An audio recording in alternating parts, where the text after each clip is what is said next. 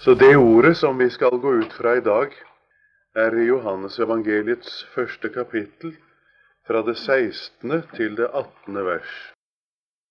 For av Hans fylde har vi alle fått, og det nåde over nåde. For loven ble gitt ved Moses.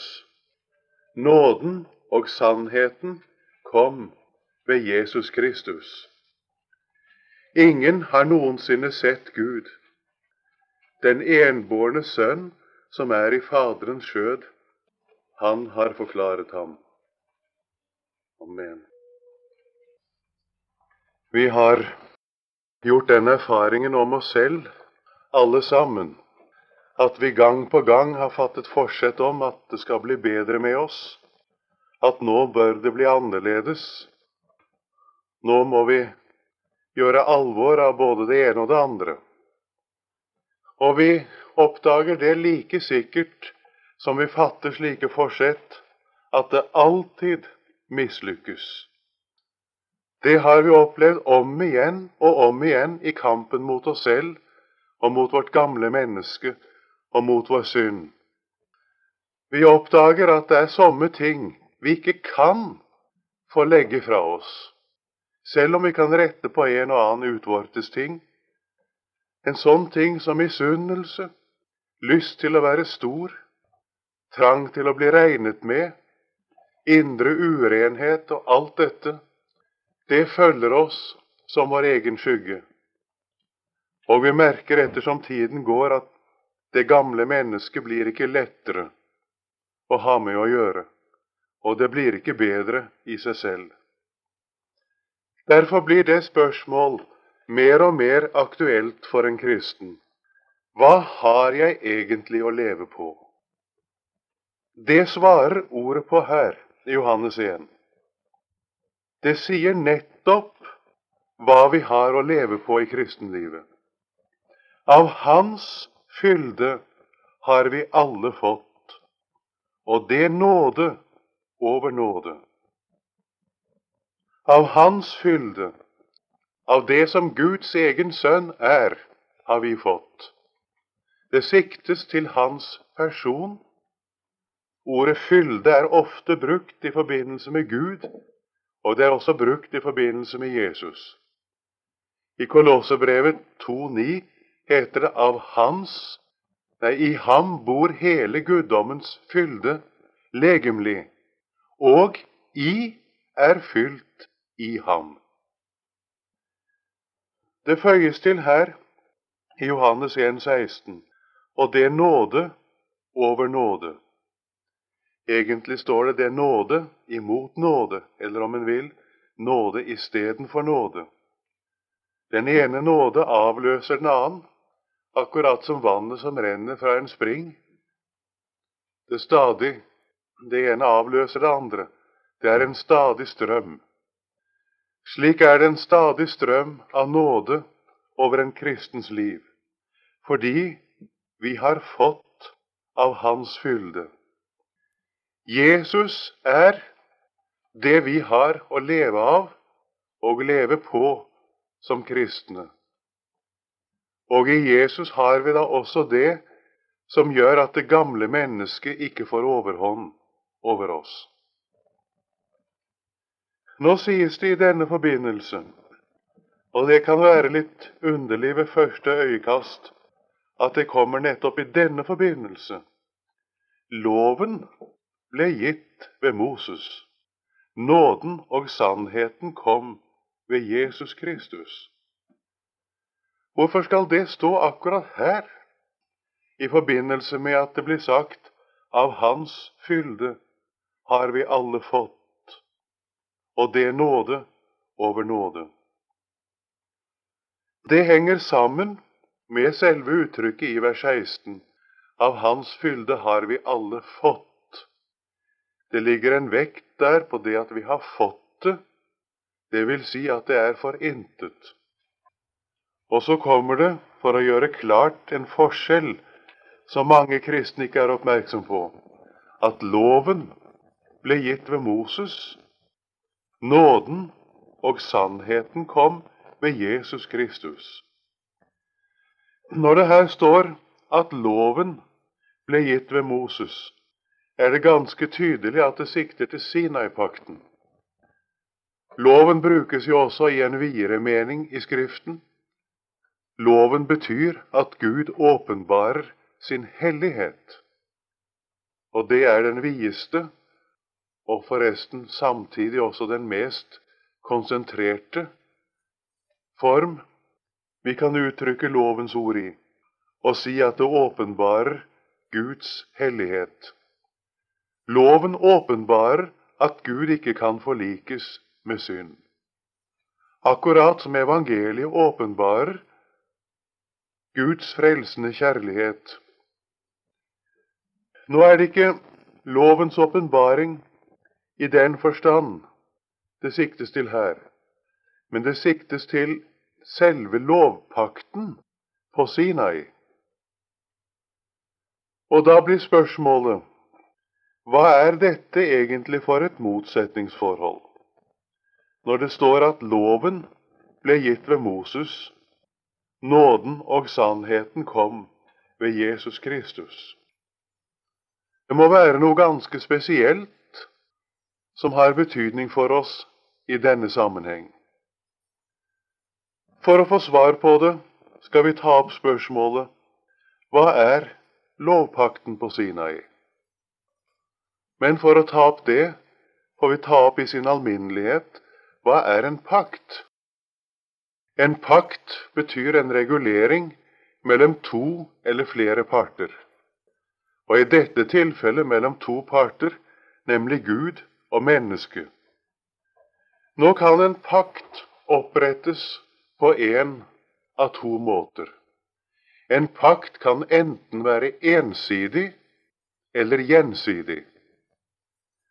At en pakt er ensidig, betyr at den ene part tar ansvaret for å ordne forholdet mellom begge partene på seg selv. Den ene part sier til den andre 'Jeg ordner forholdet oss imellom. Stol du på meg. Jeg skal klare det.' En slik pakt er pakten f.eks. med Noah det står ikke et eneste ord om noe Noah skal gjøre, eller noe han blir forpliktet til. Det er en pakt med hele menneskeheten om noe Gud vil gjøre, som grunnlag for sin frelsesåpenbaring. Merk dere at på samme måten er det med pakten med Abraham. I pakten med Abraham blir det ikke sagt et eneste ord om noe Abraham skal gjøre. Se, jeg oppretter en pakt i dag, sier Herren, står det i Første Mosebok kapittel 15. En slik pakt kaller Guds ord en nådepakt. Og pakten til vår frelse er i Bibelen nettopp kalt en nådepakt. Vi kan også kalle det en evangeliepakt. Det er en pakt hvor altså Gud lover oss noe, på det vilkår at vi tar imot det, uten spørsmål om noe vi skal være, eller vi skal gjøre, eller vi skal oppfylle. En slik pakt er imidlertid ikke Sinai-pakten. Den pakten som Gud opprettet ved Moses på Sinai, det er en gjensidig pakt. Den er ikke ensidig men gjensidig. Der er det like for like. Hvis du holder dine forpliktelser, skal jeg oppfylle mine. Men hvis du bryter dine forpliktelser, vel, så bryter jeg også mine. Der heter det hvis du holder disse mine bud og mine lover som jeg byr deg i dag, da vil jeg storlig velsigne deg. Men hvis du bryter dem og ikke holder dem, da kommer jeg over deg og forbanner deg, sier Herren. Denne pakten, som altså er en lovpakt og ikke en nådepakt, den sier Guds ord kom til for overtredelsenes skyld. Det som er typisk for denne lovpakten, er altså at vi får del i løftet ved å oppfylle visse betingelser. Og nå skal dere merke dere at dette betingede løftet, det er typisk for loven. Loven åpenbarer som sagt Guds hellighet. Derfor kommer loven med bud og med forbud. Og disse budene er da spesielt presisert igjen i forbindelse også med Sinai-pakten. Der får de en ganske konkret og bestemt form i de ti bud. Loven setter straff for å synde. Men loven setter også velsignelse, kommer med et løfte hvis man holder loven, oppfyller budene. Altså med andre ord, det er typisk for loven at den kommer med et betinget løfte, dvs. Si et løfte som vi får del i ved å oppfylle visse betingelser. Nå er det klart at dette betingede løftet, det skal forkynnes. Det vil jeg gjerne understreke for at ingen skal misforstå det som jeg kommer til å si videre. Det betingede løftet skal forkynnes. I det hele tatt loven skal forkynnes.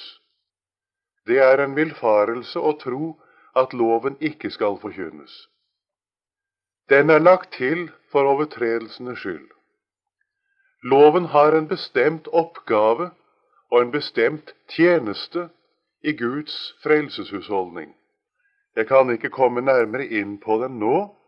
Jeg vil bare henvise til det som er sagt om den i 2. Korintiene 3, f.eks. vers 7 og vers 9, hvor den kalles en dødens tjeneste og en fordømmelsens tjeneste. Loven har den oppgave den skal avsløre oss, vise oss sannheten om oss selv. Det er lovens sanne oppgave å fordømme oss og døde oss. For å si det kort det er lovens oppgave at vi mister troen på oss selv. Derfor har altså Gud også gitt det betingede løftet. Det løftet som vi får del i, f.eks. hvis vi er som vi skal, angrer som vi skal, bøyer oss for Gud som vi bør, osv. Hvilken form det enn får, at vi får del i løftet på betingelser vi skal oppfylle. Det skal tjene til å vekke opp samvittigheten. Det skal tjene til å vise oss hvor vi står, og av hva slags art det gamle mennesket egentlig er. Vi skal avsløres som gudfiendtlige, onde, uforbederlige. Og vi skal miste troen på oss selv. Derfor skal dette betingede løftet forkynnes. Men hør nå. Når jeg forkynner dette betingede løftet, da forkynner jeg ikke evangeliet. Det må jeg være klar over. Jeg sier altså ikke det at det betingede løftet ikke skal forkynnes. Men jeg sier når det betingede løftet blir forkynt, da blir loven forkynt, ikke evangeliet. Da kan jeg vente. Det som jeg har rett til å vente, skal virkes av loven gjennom Guds ord. Loven er også inspirert av Guds hellige ånd. Det er Guds hellige ånd som også bruker lovens ord på våre samvittigheter. Og hvis ikke Guds ånd bruker loven på oss, så blir det jo bare teori. Da blir det ingen avsløring av det gamle mennesket. Det er Guds ånd som bruker den, akkurat som det er Guds ånd som bruker evangeliet. Derfor er det helt feil, som noen gjør, å sette Guds ånd og loven opp imot hverandre og si det at en kristen han er helt ferdig med loven. Den har ikke noe mer med ham å gjøre. Nå er det Guds ånd som skal vise ham sannheten. Ja, det er Guds ånd. Men det er nettopp Guds ånd som bruker både loven og evangeliet. Når lovens ord kommer, avslører den altså det gamle mennesket. Når dette løftet, som jeg får del i ved å oppfylle visse betingelser, blir forkynt, så kan det ikke føre meg lenger enn til at jeg må konstatere hvordan jeg er, og hvem jeg egentlig er. Og der blir jeg stående. Legg merke til at et menneske som er blitt av sannheten på denne måten, at han virkelig hører når lovens ord forkynnes. Han oppdager at loven kan aldri føre ham til sannheten i den forstand at den hjelper ham til å leve som en kristen. Og det begynner allerede her å demre hva det betyr når det står at loven ble gitt ved Moses, og det settes opp som en motsetning. Nåden og sannheten kom ved Jesus Kristus. Saken er at sannhet i et menneskes gudsforhold kan det ikke bli bare gjennom loven. Loven kan virke i meg alle slags forsett om å bli bedre. Det kan også få meg til å ønske at jeg var annerledes. Men det er noe loven ikke kan. Loven kan ikke gjøre meg rettferdig for Gud. Det er det første.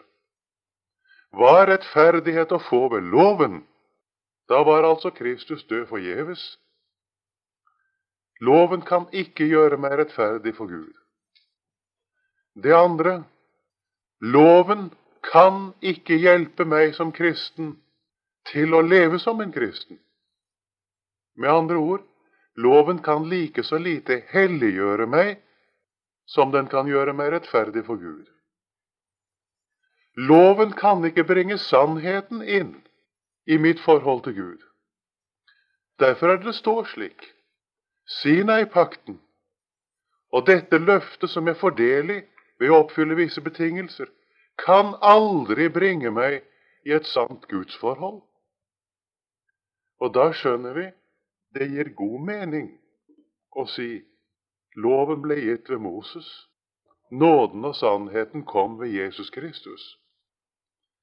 Selv om loven i og for seg er uttrykk for sannheten, loven er hellig og rettferdig og god, og budet er hellig og rettferdig og godt, fordi loven og budet er uttrykk for hvordan Gud ser på synden, og hvordan mennesket må være for å kunne bestå i hans øyne.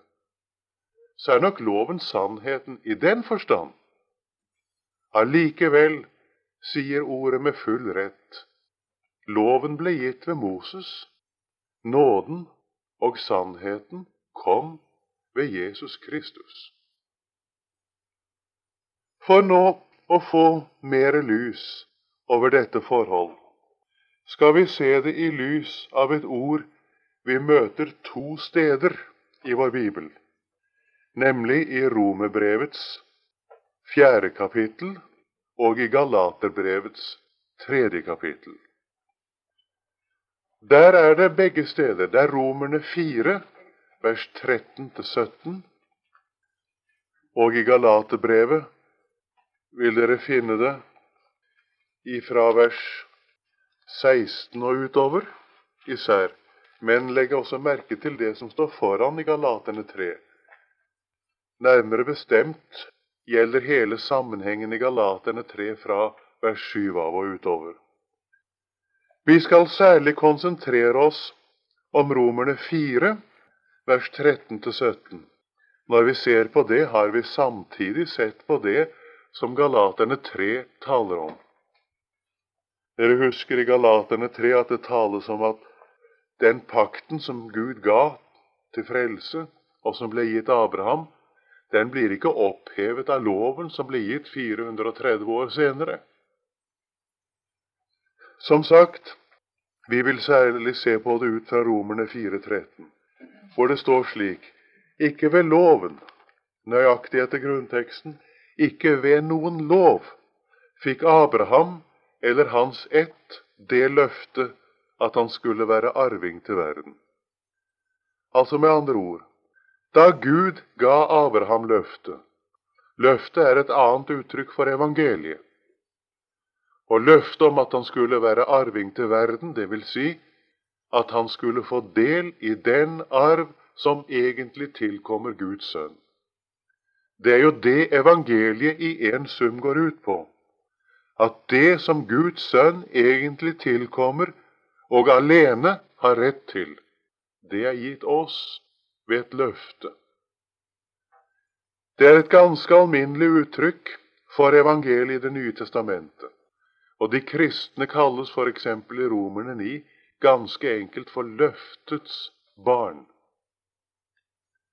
Da Gud ga dette løftet til Abraham og til alle andre som kommer til troen, da var det ikke ved noen lov.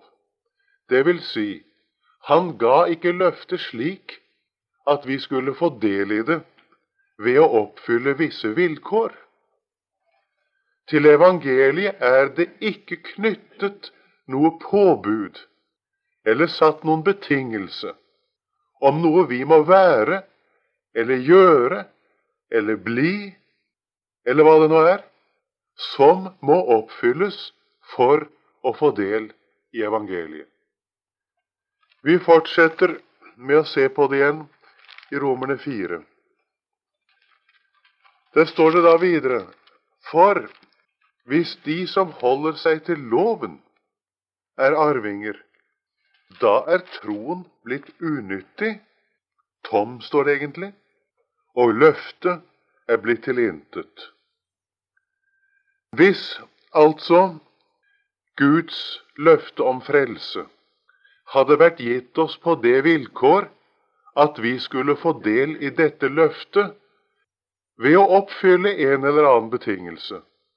Da hadde det vært det samme som om det ikke hadde vært gitt noe løfte. Det ville ikke vært noe hjelp i å tro. Troen ville vært tom, står det egentlig. Den ville ikke inneholdt noe. Og løftet ville være blitt gjort til intet. Ville være mortifisert, står det egentlig. Det er brukt det samme ord i grunnteksten her på gresk som nøyaktig svarer til det latinske ordet 'mortifisere'. Dere vet hva det betyr når et ord er mortifisert? Det erklæres dødt og maktesløst å være. Hvis man mister et verdipapir og skal ha et nytt, da blir det gamle verdipapir erklært dødt og maktesløst å være.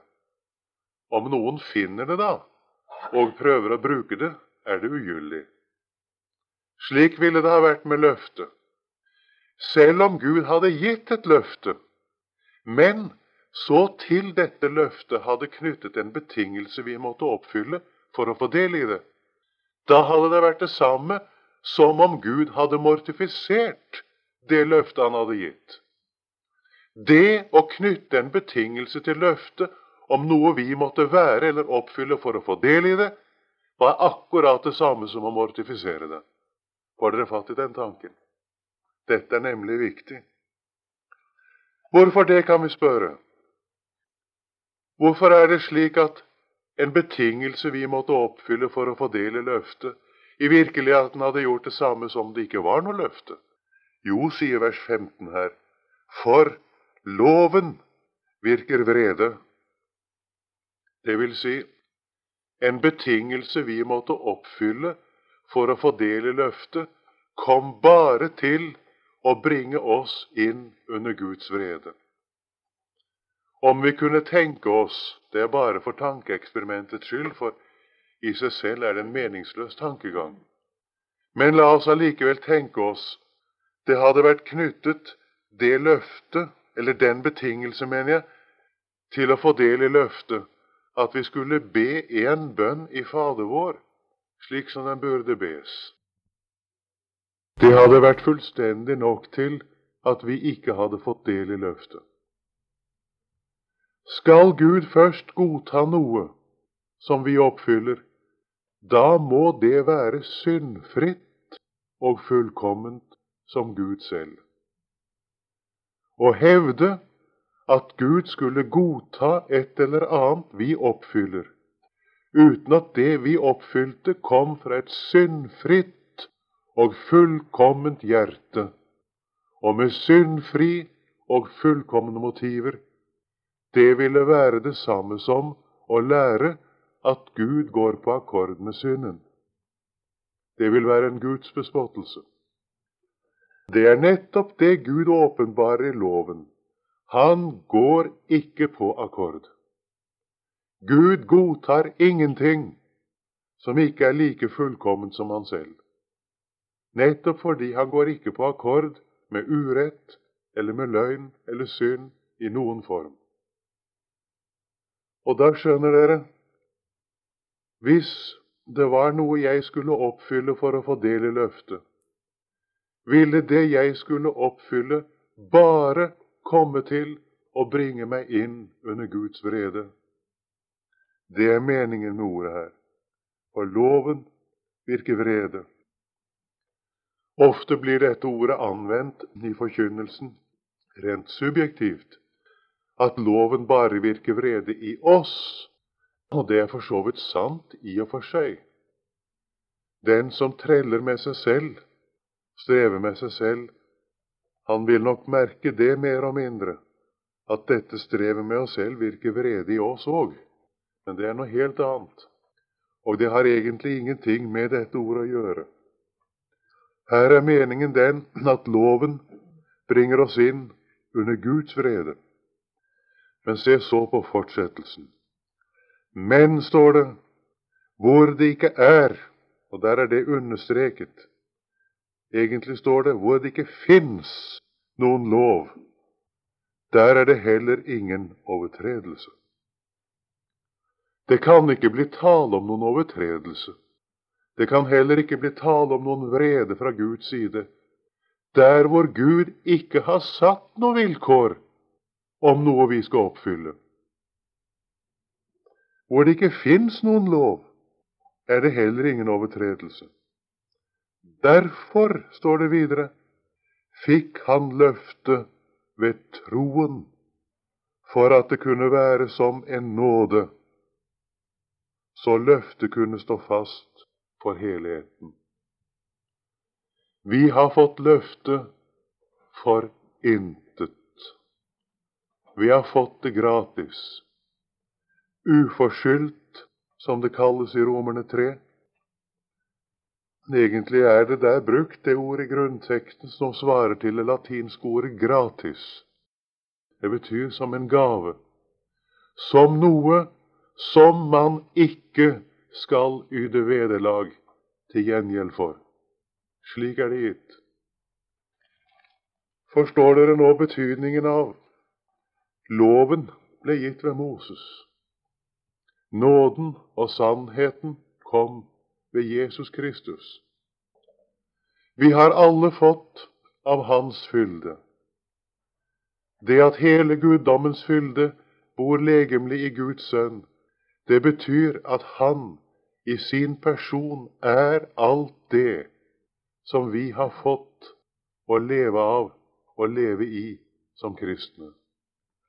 Han er selve vårt liv. I ham er en fylde av liv. Det er Guds eget liv. Og hele Jesu person, med all den fylde som bor i ham, er gitt til oss. Det som gjør oss til kristne, det er ikke det vi opplever i vårt hjerte. Det er tvert om. Det vi opplever i vårt hjerte, er virkningen av at vi er kristne. Det som gjør oss til kristne, det er at vi har fått et evig liv i Guds egen sønn. Det er et merkelig vitnesbyrd, det som Gud har vitnet om sin sønn, som første Johannes brev taler om, hvor det står det at Gud har gitt oss evig liv, og dette liv er i Hans sønn. Det gjør at vi har fått en nåde å leve på. Det vi har fått, det er noe som er gitt oss på det vilkår at vi får eie det for intet. Nettopp dette at det er for intet, er årsak til at ingen tar imot det som ikke har mistet troen på seg selv. Så lenge et menneske strever med seg selv, så hindrer han seg selv i å ta imot Jesus. Når en kristen glir inn i det i sin helliggjørelse og i kampen mot det gamle mennesket, og blir opptatt med seg selv og med hva Gud skal hjelpe ham til å gjøre ut fra sine egne forutsetninger, så hindrer det en kristen i kampen mot synden. Noe ganske annet er det når en får se at en har fått det alt for intet, og at vårt liv består av nåde over nåde. Som jeg sa i sted, det blir ikke sannhet i et menneskes gudsforhold så lenge han strever med seg selv. Det kan ikke bli sannhet i våre forsett. Merker vi ikke det hver gang vi kommer frem med denne tale, at nå, nå må det bli annerledes? Nå er det noe som vi burde gjøre, men som vi hittil ikke riktig har greid. Men nå, nå må det bli noe nytt. Merker vi ikke selv hvor hult det klinger? Hvor usant det er? Og merker vi ikke det hver eneste gang vi kommer med en eller annen betingelse, noe vi må oppfylle for å få del i noe Gud skal gi oss, at det holder ikke? Men det er nettopp det det ikke gjør. Dette at vi skal oppfylle noe, være noe, få til noe, eventuelt gå og vente på at Gud skal virke noe i oss først, som betingelse for å få del i det vi har fått i Jesus, både til å bli kristne og for å leve som kristne. Det fører noe usant, uekte, uholdbart inn mellom Gud og oss. Hadde det vært gitt på det vilkår, hadde det vært håpløst. Da hadde det ikke vært noe løfte. Da hadde ikke troen grepet om noen verdens ting. Den hadde vært tom og unyttig. Derfor er det så stort å se på hva evangeliet egentlig kommer med. Evangeliet kommer ikke slik som loven. Loven kommer med bud og med krav. Evangeliet kommer med tilsagn og med løfter. Loven kommer til meg og taler ut fra hva jeg skal være og gjøre. Evangeliet kommer til meg som til en fortapt, fordømt synder som ikke har noe håp, og sier det, jeg gir deg alt i min egen sønn. Nåden og sannheten kom ved Jesus Kristus. I ham er vi gjort rike på alt. Og merk deg det at fra det øyeblikk det er klart for meg at jeg eier dette gratis, for intet, da blir det sannhet i det. Da holder det. Da blir det ekte. Og slik er det med dette. Det som gjør meg rettferdig for Gud, det holder, for det er gitt meg Guds sønn. Det som jeg har å leve på som kristen, det holder også. Det er også gitt meg i Guds sønn. Han er gitt meg både til rettferdighet, til helliggjørelse, til forløsning, like som han er blitt meg visdom fra Gud. Er det noe som Jesus ikke er blitt? I ham har vi fått alt som tjener til liv og Guds frykt. I ham er vi gjort rike på alt. I ham bor hele guddommens fylde legemlig, og i er fylt i ham. Av hans fylde har vi alle fått, og det nåde over nåde. Amen.